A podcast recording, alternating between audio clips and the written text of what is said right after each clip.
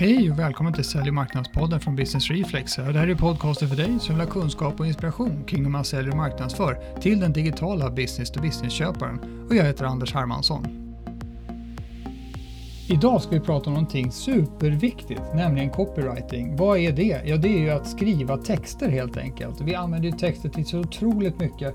Våra webbsidor är fulla med text som ska förklara för folk och även få dem att agera på olika sätt och kanske genomföra ett köp eller boka ett möte och sådana saker. Vi använder text för sökordsoptimering så att när folk googlar på grejer vi håller på med så kommer de till vår webbsajt.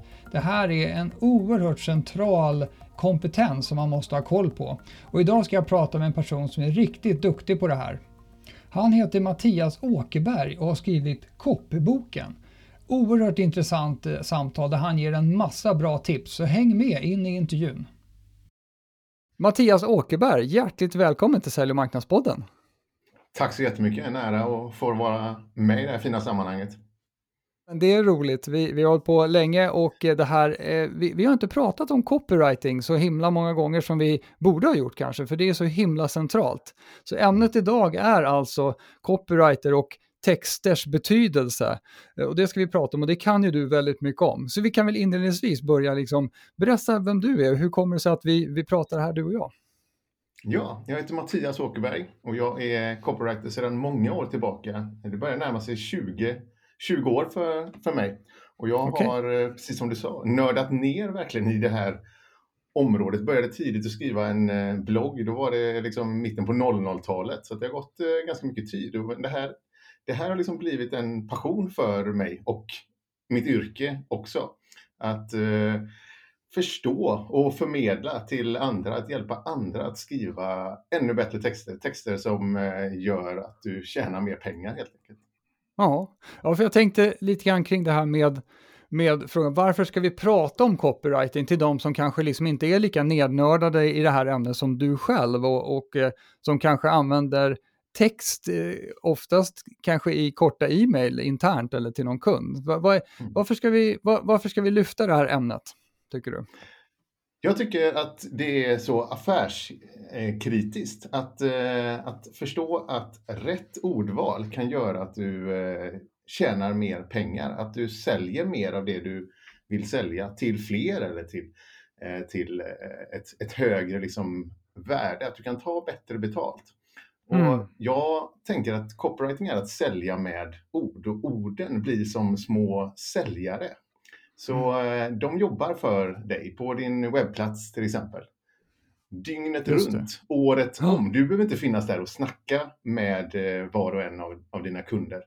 Eh, eller potentiella kunder. För, för rätt typ av ord och rätt typ av budskap, argument gör att du vinner fler kunder och tjänar mer pengar. Därför är ja, det här är som, så viktigt. Det här är som uh, det är musik i mina öron. Jag brukar också, vi, vi jobbar med många kunder och det, det oftast är ju en flaskhals i hela den här den här moderna marknadsstrategin, att, att se till att producera, det är ju produktionen av content, och, och content är ju väldigt ofta i form av text. Eh, mm. Eh, och, och, jag brukar, det är mitt argument låter ganska lika ditt, just att om du bara kan, om vi bara kan vrida ur den där kunskapen du har i ditt huvud och få ner den eh, liksom i digitalt format i text, så att folk kan googla på det där och, och, och så vidare, då kommer den att jobba för dig 24-7. Så vad härligt, vi är på samma lag här Mattias, det är underbart. Kul underbart. avsnitt här ska bli. Vi måste ju tala om också att du har skrivit en, en bok om det här. Berätta lite om den och du, den har en väldigt finurlig undertitel och sådär. Ja, precis. Den är helt nyutkommen och den heter Copyboken. Eh, tydligt och enkelt, berätta vad ja. det handlar om. Och undertiteln är Gör läsare till kunder, förvandla ord till pengar. Så Sådär, du ska få den som läser att också bli din kund, att agera och göra. Och det är ju det som skiljer copywriting från all annan typ av skrivande.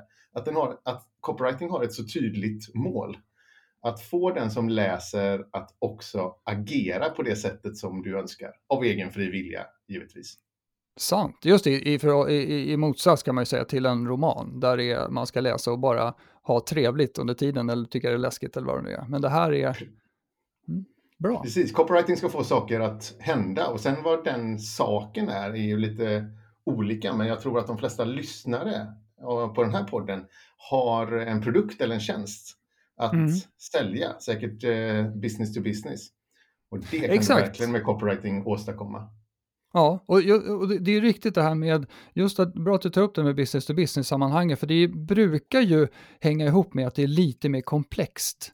Eh, mm. Att man behöver förklara saker och så vidare, både om, kanske om sin, själva sin produkt, men också nyttan den gör och vägen till värdet som man brukar prata om. Och sånt. Det, det finns ju mycket att informera om helt enkelt. Innan, ja, vi, går, innan vi går in på, på, på det här, för du har ju ett upplägg i boken, jag tänker att det känns ju naturligt att vi följer det i det här poddavsnittet också. Eh, men innan det så måste vi ta upp den här elefanten i rummet när det gäller copywriting, nämligen ChatGPT. Förut ja. var det ju så, det var ju så här att vi människor har ju varit de som har förunnats med förmågan att, att skapa texter på ett kreativt sätt. Nu kan man be den här AI-botten då att skriva en bloggpost. Hur, hur ser du på det liksom i det här sammanhanget? Ja, det är jättespännande. Det är en utveckling som liksom har kommit eh, och, och smugit sig på under flera år nu egentligen. Och så, för ungefär en månad sedan så stod jag och hade efter en föreläsning en frågestund. Det var den som, som, som frågade om just eh, ChatGPT. Vad, vad är din take på det? Eh, och jag sa, vad är det? Och detta var bara en månad sedan alltså. Ja. Och hon förklarade och samma dag givetvis så ville jag testa det här och, och såg att, ah, vilken häftig grej. Eh, ja. och, och jag är, liksom den, jag är av den andan att jag välkomnar nya grejer. Det finns liksom ingen anledning att, att försöka jobba emot det där. Och jag tänker att eh, nej, AI kommer förmodligen inte att, eh, att ersätta copywriters. Inte i de eh, liksom, i, i, i mer avancerade texter eh, i alla fall. Ifall, copywriter, mm. eller ifall eh, en, en AI-robot kan spotta ur sig tusentals produkttexter så mm. är det helt fine för mig och säkert för många andra copywriters också. Men jag tror att mm. den här tekniken kan verkligen hjälpa oss copywriters att bli ännu bättre på att skriva texter för att den liksom hjälper oss och boostar oss i, i, i skrivandet. Så mm. det är min take på den här nya spännande utvecklingen. Och lite, lite grann känner jag så här, äntligen är vi här. Ja, ja nej men jag, jag, jag tror också det, det är ingen idé att, att försöka bort Eh, alltså, minimera betydelsen. Utan det, jag tror den kommer att ha stor betydelse. Jag har lekt väldigt mycket med det själv och man blir ju förundrad över i början när man ber den skriva bloggposter, alltså skriva en SEO-optimerad bloggpost på det här ämnet. Sen när man har gjort det tio gånger, då märker man att de är ganska lika. Alltså det blir som sagt massproduktion, i alla fall i den här versionen. Nu, nu så eh, baseras den här det är rätt häftigt. Den här eh, versionen baseras på GPT-3, heter den underliggande tekniken. Och den har tydligen 150 jag tror det var 150 miljoner kopplingar i ett sånt här, i ett sånt här uh, neuralt nätverk. Och GPT-4 håller de på med, den kommer 150 miljarder kopplingar och blir då, blir då mycket bättre. Så, så att uh, den, den, kommer ju bli bättre över tid och, och producera texter, men det känns som att de, det, det, är, det blir en massproduktions-vibe eh, över texten, eh, än så länge i alla fall. Och eh, det är också så att det, tydligen är det så att det finns ju även algoritmer som kan identifiera ganska stensäkert om det är en genererad text eller inte. Och Google har ju också eh, annonserat att eh, de gillar inte ChatGPT texter som man bara klistrar in, de tycker att det liksom är likvärdigt med spam. Så att eh, mm. Eh, jag tror att man ska, man ska inte hoppa fullt rakt ner i den här tunnan, utan använda det som ett inspirationsverktyg och så. Det tror jag kan vara en, en bra, ett bra sätt. Mm, spännande. Eh, Anders, du, ja. en, snabb, en snabb fråga där. Har du testat eh, både på svenska och på engelska och hur, liksom, hur funkar det mm. på svenska? Eh, bra. Den, den, när man skriver sin prompt på svenska Eh, men utan att be den om att faktiskt svara på svenska, då kan den, har jag märkt, byta språk mitt i. Så den svarar på svenska, mm. sen helt plötsligt börjar den prata engelska. Men om man ber den specifikt om att uh, svara på svenska, då gör den det. Uh, och den förstår även svenska instruktioner så att säga. Så den, den, är, ja, den är smart den där rackaren. annars är det, annars är det, rackare. Ja, eller hur? eller hur? Det är inte alls dumt. Och eh, sen behöver vi bli bra på att eh, skriva, det kallas för prompt, det där man skriver in. Så att man mm. behöver bli bra på att, att skriva sådana, be den om rätt saker, för den är ju på så sätt ganska korkad. Den behöver liksom ha väldigt precisa instruktioner för att leverera det man vill ha. Men eh, ja, intressant verktyg i alla fall. Sen tror jag säkert det kommer att vara så att man kan bygga applikationer ovanpå den där generella stora mängden kunskap och, och logik som den besitter. Då. Men, men nog om ChatGPT tänker jag. Eh, ja, ska vi börja med, med den första? Alltså det finns ett antal frågeställningar som, som vi har pratat om innan som vi skulle ta upp mm. angående det här med copywriting. Och egentligen så, det som vi har varit inne på pyttelite nu än så länge då, det är ju vad 17 är copywriting eh, och vad är det inte för någonting? Vi kan börja där. Mm. Mm. Ja, men copywriting är ju att sälja med ord, att skriva så att du påverkar den du som läser. Att, att du tar den personen i handen och för den närmare ett köp. Eh, många gånger hela vägen till ett eh, köp, men att påverka eh, så att den, den, personen kommer närmare ett, ett, ett köp. Det finns mm. ju eh, många som säger att ja, copywriting och content writing är ju ungefär eh, samma sak, eller content marketing. Och jag menar att nej, det är det inte. Jag menar att eh, jag menar att eh, copywriting sker mycket mer liksom, omedelbart, vill få en action nu. Medan Aha. innehåll menar jag som jobbar för dig över, över tid. Det kan ta, det kan ta månader eller, eller, eller kanske år till och med. Eh, från det att den som söker på Google hittar dig, som kommer tillbaka, tar del av ditt innehåll och sedan en vacker dag blir din eh, kund. Medan copywriting eh, vill skapa liksom action nu. ah, okej. Okay. Mm. Så jag skiljer jag på content och eh, copywriting på, på det sättet. Att eh, copywriting ska få saker och ting att hända rätt så omedelbart. Ja. Ha, men har det, har det med, för det var intressant, för det, det har inte jag skilt på, så det här är, jag älskar de här poddarna när jag får liksom nya insikter och så. Så jag är väldigt egoistisk i det här. Jag hoppas att mina, våra lyssnare också gillar det när de får nya insikter. Men jag tänkte så här, så är, har, det med, har det med längden att göra på, på, på, på texten? Eller, eller form, vad, är det som, vad är det som gör att det skiljer sig, tycker du, liksom mer konkret? Ja, det, det, det eller är det avsikten? Ja, det är av, avsikten och målet eh, mm. med det. Eh, copywriting handlar om att påverka, att övertyga med eh, olika typer av eh, argument och berätta. Vad gör mm. den här produkten eller tjänsten för skillnad? Medan, mm. medan content är ofta mer utbildande, underhållande ibland, mm. men, eh, men är inte lika direkt i att uppmana till ett köp där och då. Okay. Eh, utan, utan mer över, över tid bygger du ett förtroende med content. Och det är ja. lite mer också på läsarens villkor, att nu är jag redo. Medan copywriting handlar väldigt mycket om att, om att eh, snabba upp den där processen.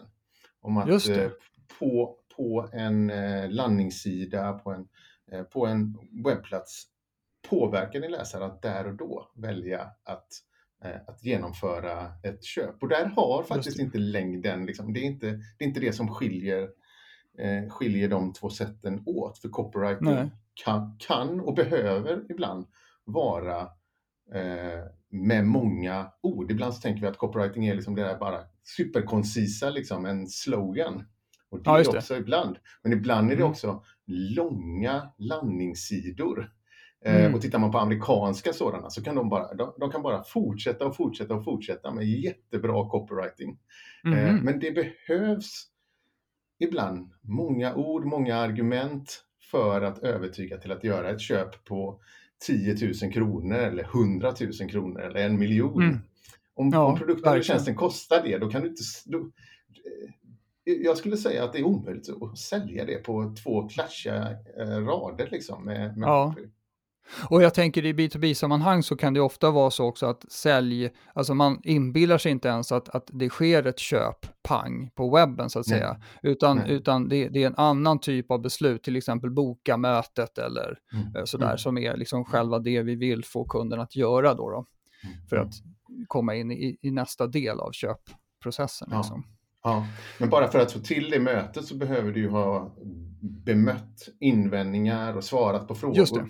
Eh, din, din, din läsare behöver få svar på, på många frågor innan han eller hon ens kan, kan ta det där mötet med dig.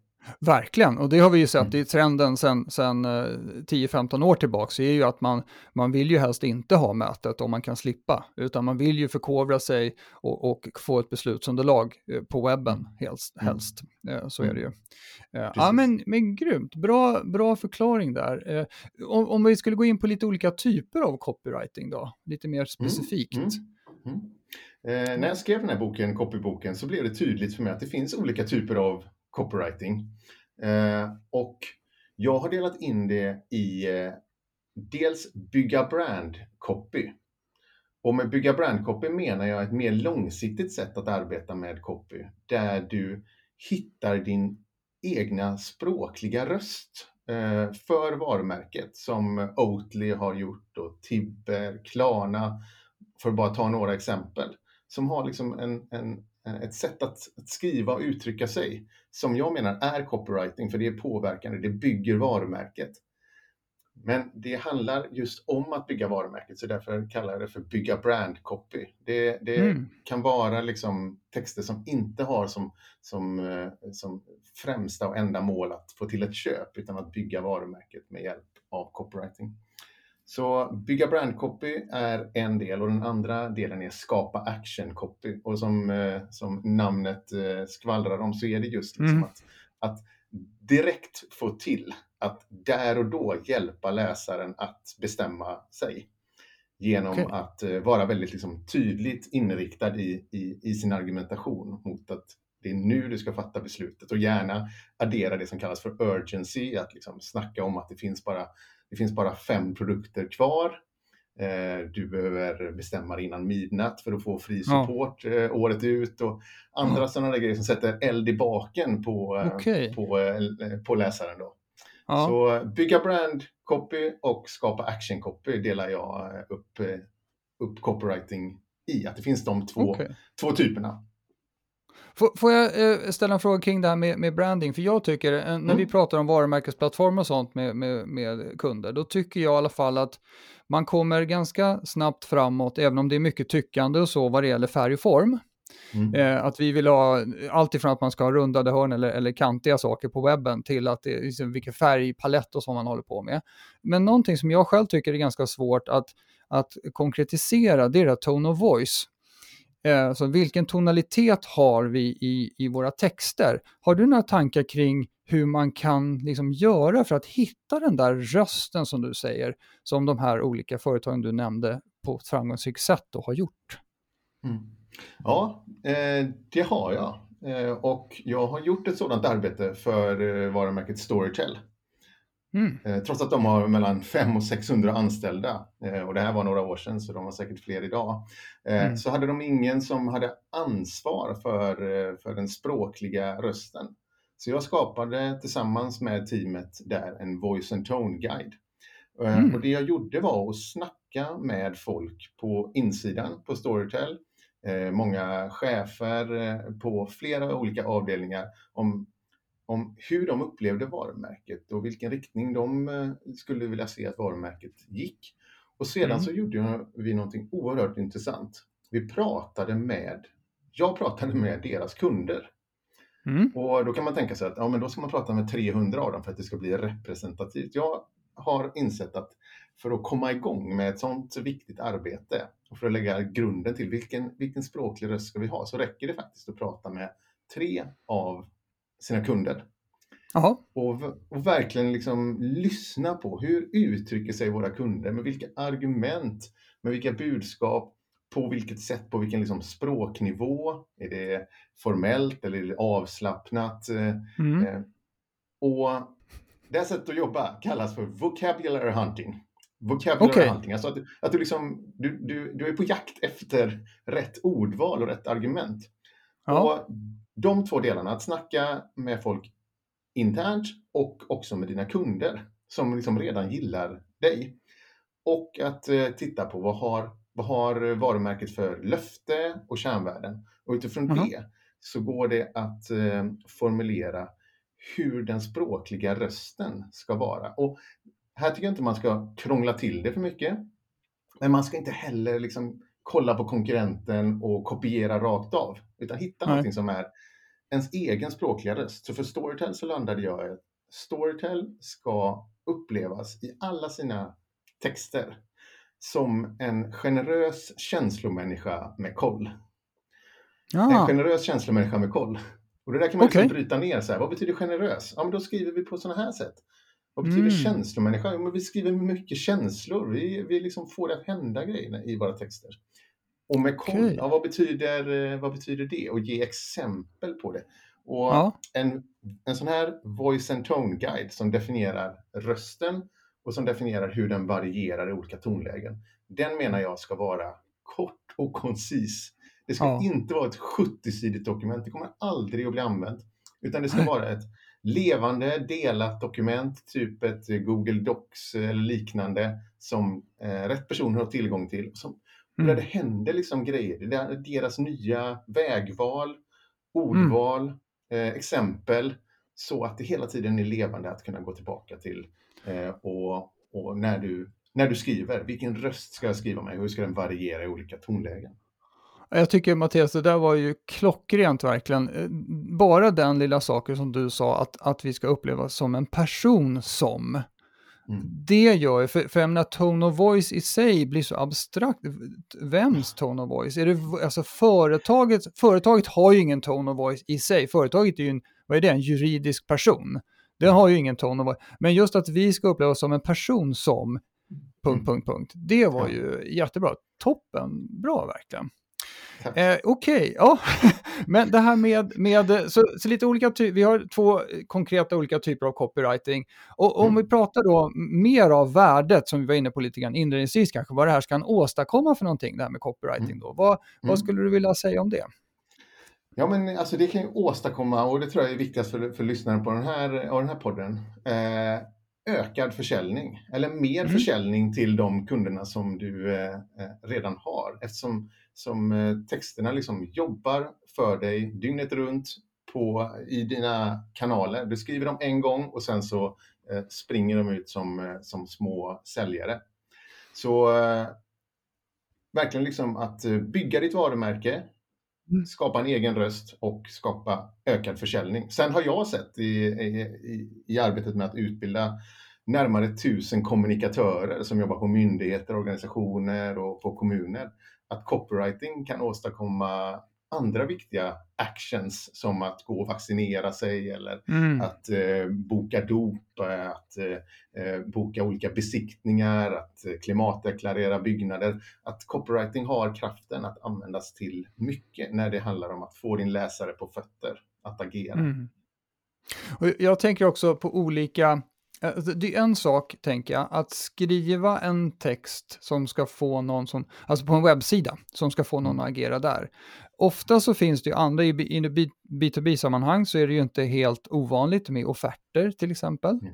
Mm. Eh, och det, det kan vara så, jag sticker ut hakan lite grann, att man inte alltid tänker på att man är copywriter när man skriver en offert Nej? de, är ganska, de kan vara ganska trista och på ett sätt ogenomtänkta. Men, men det är ju ett otroligt viktigt dokument, väldigt så att säga sent förhoppningsvis i, i uh, säljprocessen, som verkligen ska få folk att agera. Mm. Eh, så det- och sen har vi alla de här mejlen vi skriver till våra kunder. Det är ju inte sån, sånt som jobbar för oss kanske 24-7, men oerhört viktigt att formulera sig eh, vad heter det, tydligt och bra i mejl. Har du, har du jobbat med sådana saker också, eller har det mer varit publik kommunikation på något sätt?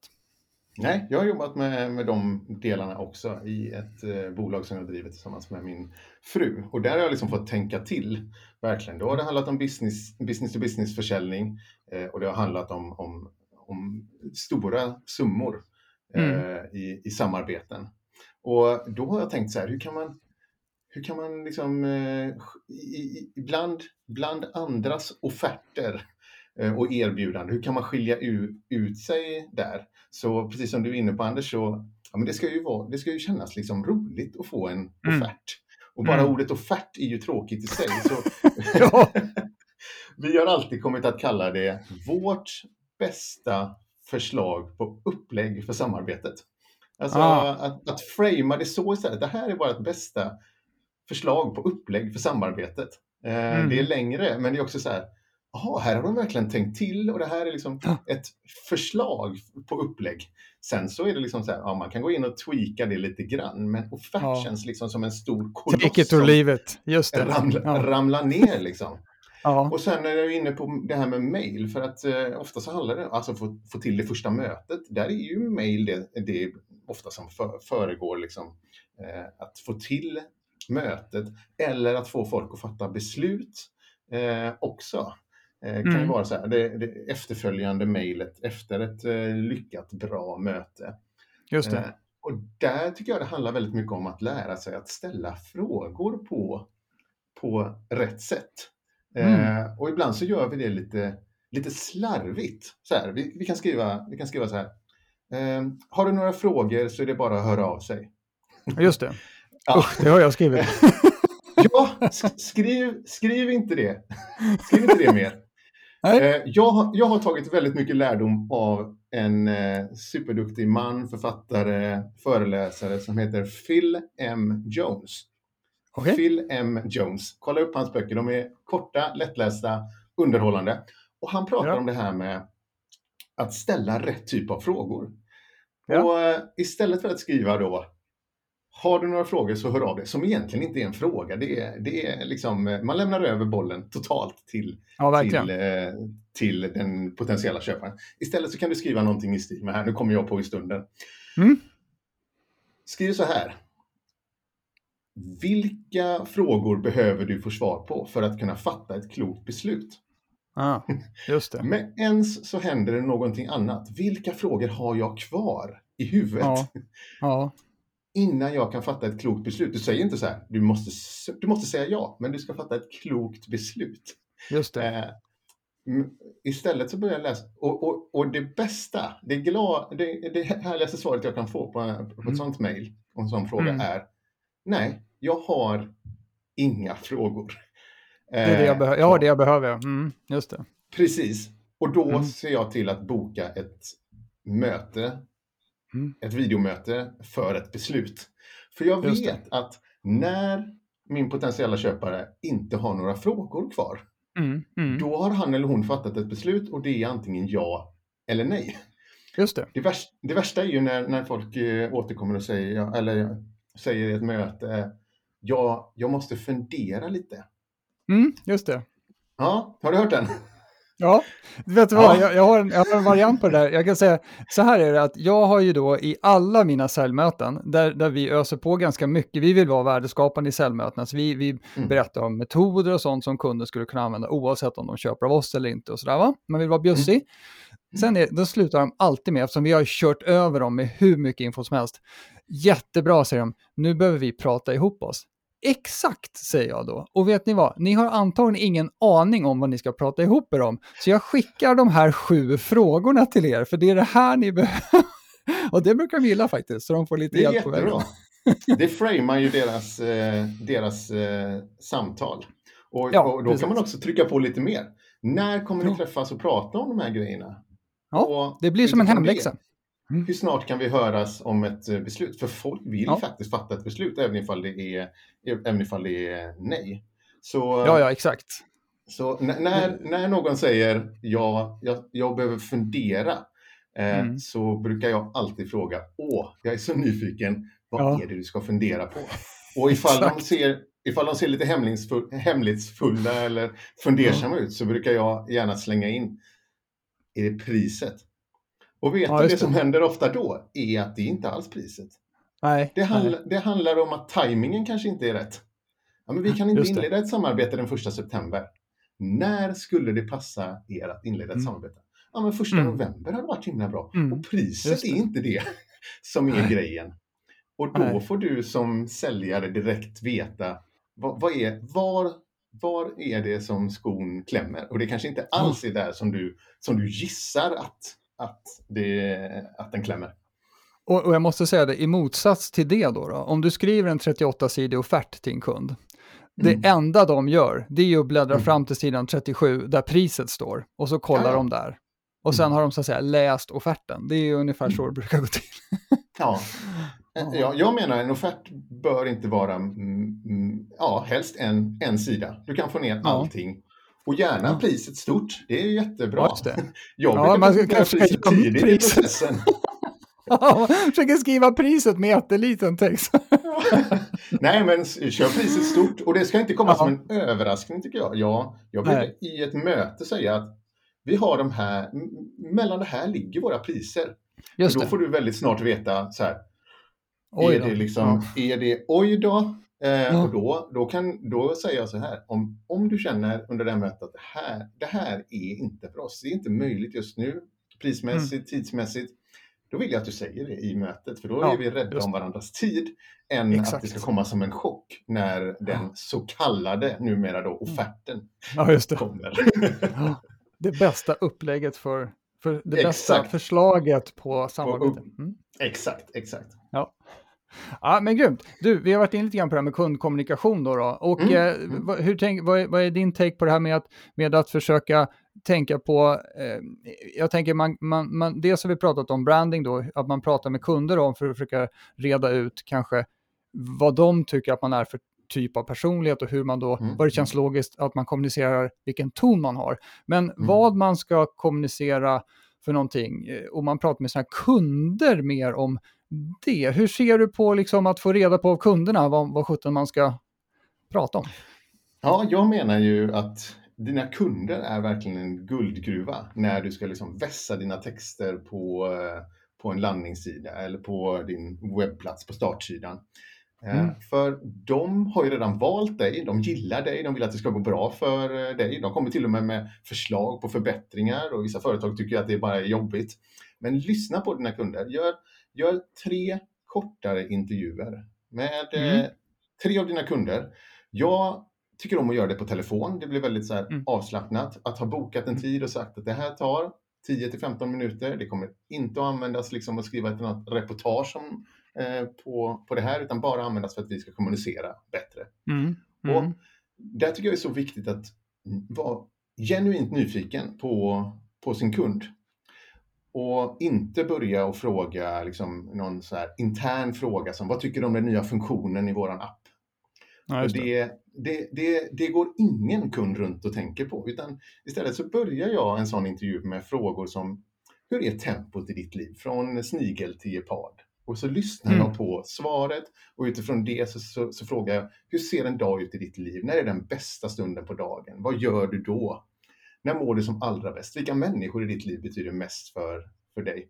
Vad känner du dig liksom vad känner du dig orolig för på, när det Mm. kommer till jobbet?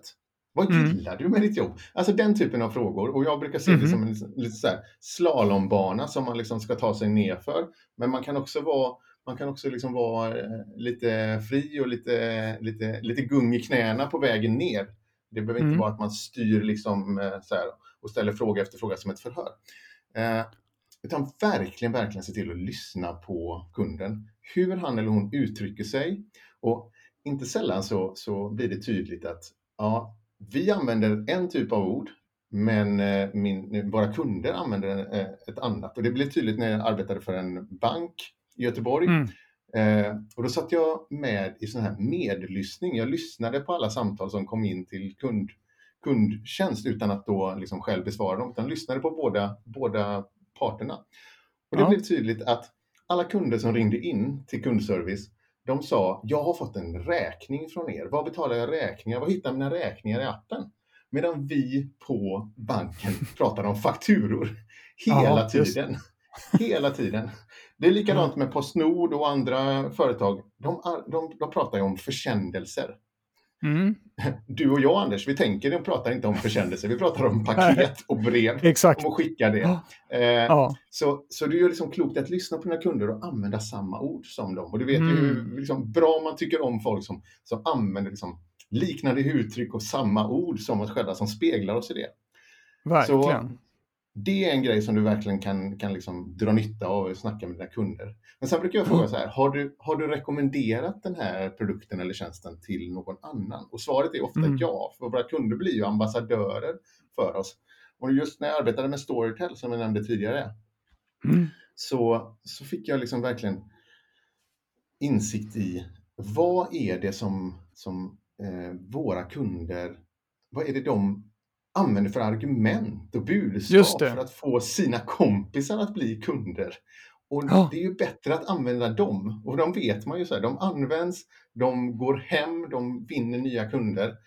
Ja. Än att sitta på egen kammare och tänka så här, det är, nog, det är nog att det är lite guldkant på tillvaron. Det är nog därför man lyssnar på ljudböcker. Nej, det är ja, det inte. Det. Utan det, det, är, det är för att, för att alltså man får en stund för sig själv, man kommer ner i varv. Eh, någon, någon pratar om att ja, det är fullt upp i mitt liv. Men när jag lyssnar på ljudböcker då kommer jag ner i varv, då får jag klart saker och ting. Eh, någon pratar om att få nya tankebanor, nya perspektiv på saker och ting. Det är något ja. större än bara den där guldkanten. Så du, när du pratar med dina kunder så får du insikter istället för antaganden. Och de gör liksom halva skrivjobbet för dig. Och när du sätter dig ner och skriver så vet du vilka argument som funkar, vilka ord som funkar. Och framförallt så har du en person framför dig som du skriver till, eller tre kanske då i mm, det här mhm, fallet. Men det. men det är bättre än att tänka ja, men nu har jag en målgrupp En eh, marknad, här. ja precis. En marknad, ja. ja. Och, och den kan ju vara liksom eh, en miljon människor stor ja. eller hundratusen ja. eller tiotusen. Det är väldigt svårt ändå att tänka ja. ja, men nu skriver jag liksom till en stor publik. Men att tänka, jag skriver till en person i den här målgruppen. Ja. Blir oerhört mycket bättre. Så därför säger jag, skriv till, skriv till en. Och, och, och, i det fall som jag tänker att vissa kanske känner att det är lite läskigt att fråga sina kunder om, om andra saker än pengar. så kan det kännas ibland. Vi ska inte ja. fråga dem om något annat för då kommer de liksom ha gett oss någonting, då kan vi inte fråga om lika mycket pengar. Men det här är, mm. jag tänker att om man, om man frågar ur, om man kommer från någon sorts empatiskt ställe, där mm. man frågar för att man faktiskt undrar, eh, då tror jag det känns lite lättare på något sätt, för man, mm. man bryr sig om de man ska skriva för. Alltså frågar man de som står en närmast, nämligen trogna kunder, då, mm. då, då, kan det kännas lite mindre läskigt. Mm. mm. Ja, vad roligt. Det finns, det finns ett, ett begrepp här eh, som vi mm. har eh, touchat till vid lite tidigare när vi pratades vid. Mm. Det var, så här, vad står det? Conversational copywriting. Det låter ju fancy. Ja. Vad är det? Har du hittat på det själv? Precis. Eller har hittat på det? Vad är det för någonting? Nej, det har jag faktiskt inte. Det är en man som heter Nick Usborne eh, som eh, jag vet inte ens ifall han har hittat på det, men han har verkligen eh, liksom gått, gått i bräschen för det här begreppet. Conversational copywriting. Och det, och det mm. knyter egentligen an till det som vi snackar om, att snacka med sina kunder. Och mm. tänka, när du skriver, att du har en kund framför dig, att ni sitter och tar en kaffe eller kanske till och med en öl tillsammans. Och tänk, mm i en sån situation, vad skulle du ha sagt till din läsare? Hur skulle du ha förklarat vad som är grejen med din produkt eller tjänst? Vad den ah. gör och ger och vad den gör för skillnad. För ofta när vi ska skriva så spänner vi oss ganska mycket. Vi tänker ah. nu ska vi skriva, nu är det liksom, nu är det ordentligt språk som gäller, nu är det fina ord. Eh, ah. Och, och de orden skulle vi aldrig ha använt när vi pratade, utan då skulle vi ha Nej. snackat mycket mer avslappnat, mycket mer enkelt. Eh, vi skulle ha använt fler verb, alltså eh, saker som vi gör.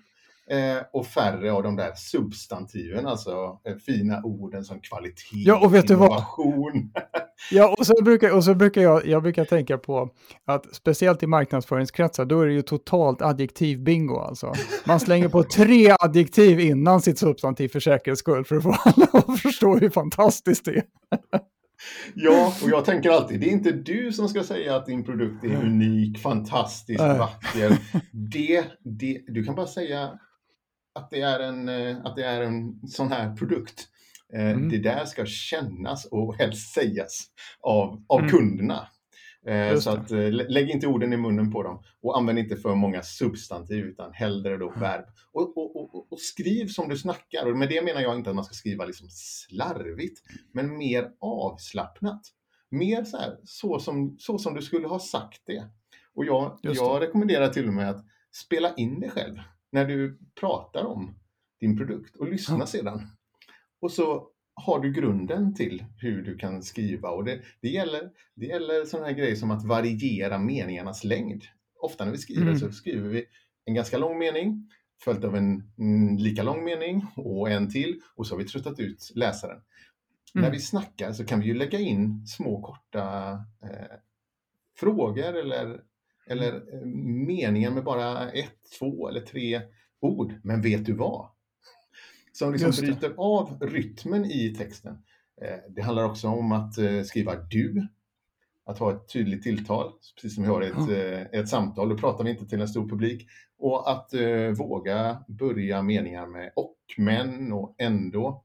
Precis som vi mm. gör när vi, när, vi, när vi pratar. Och det är ju fullt tillåtet oavsett vad folkskolefröken mm. sa. Ja, just det, exakt. Jag ser den där röda pennan framför mig från, från grundskolan.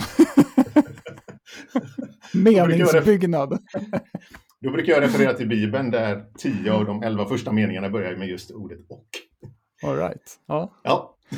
Ja, men intressant. Så conversational copywriting, det, det, handlar om att försöka se det som ett samtal och tonen och, och liksom rytmen i texten är mer som ett samtal än att det, För jag skriver till exempel ordet dessa när jag skriver. Ja. Inte, jag, skri, jag, liksom, inte så här allt jämt och så, det skriver jag men, men liksom dessa, det har jag skrivit. Och när sa mm. jag det senast? Jag har aldrig sagt det, det var första gången nu liksom i podden. Så att, ja, intressant. Att man, det är som att man spänner sig precis. Det ska ja, vara men... fancy på något sätt så fort man skriver saker. Mm. Men det som händer när man skriver som man... Jag tänker att du ska skriva som du pratar. Det som händer då är att du upplevs som just den, den mänskliga människan du är. Mm. Och vi vill ju köpa av människor, inte av eh, mm. robotar och inte av organisationer. Nej, precis. Ja, jäkla intressant alltså. Mycket bra grejer du kommer Mattias, verkligen.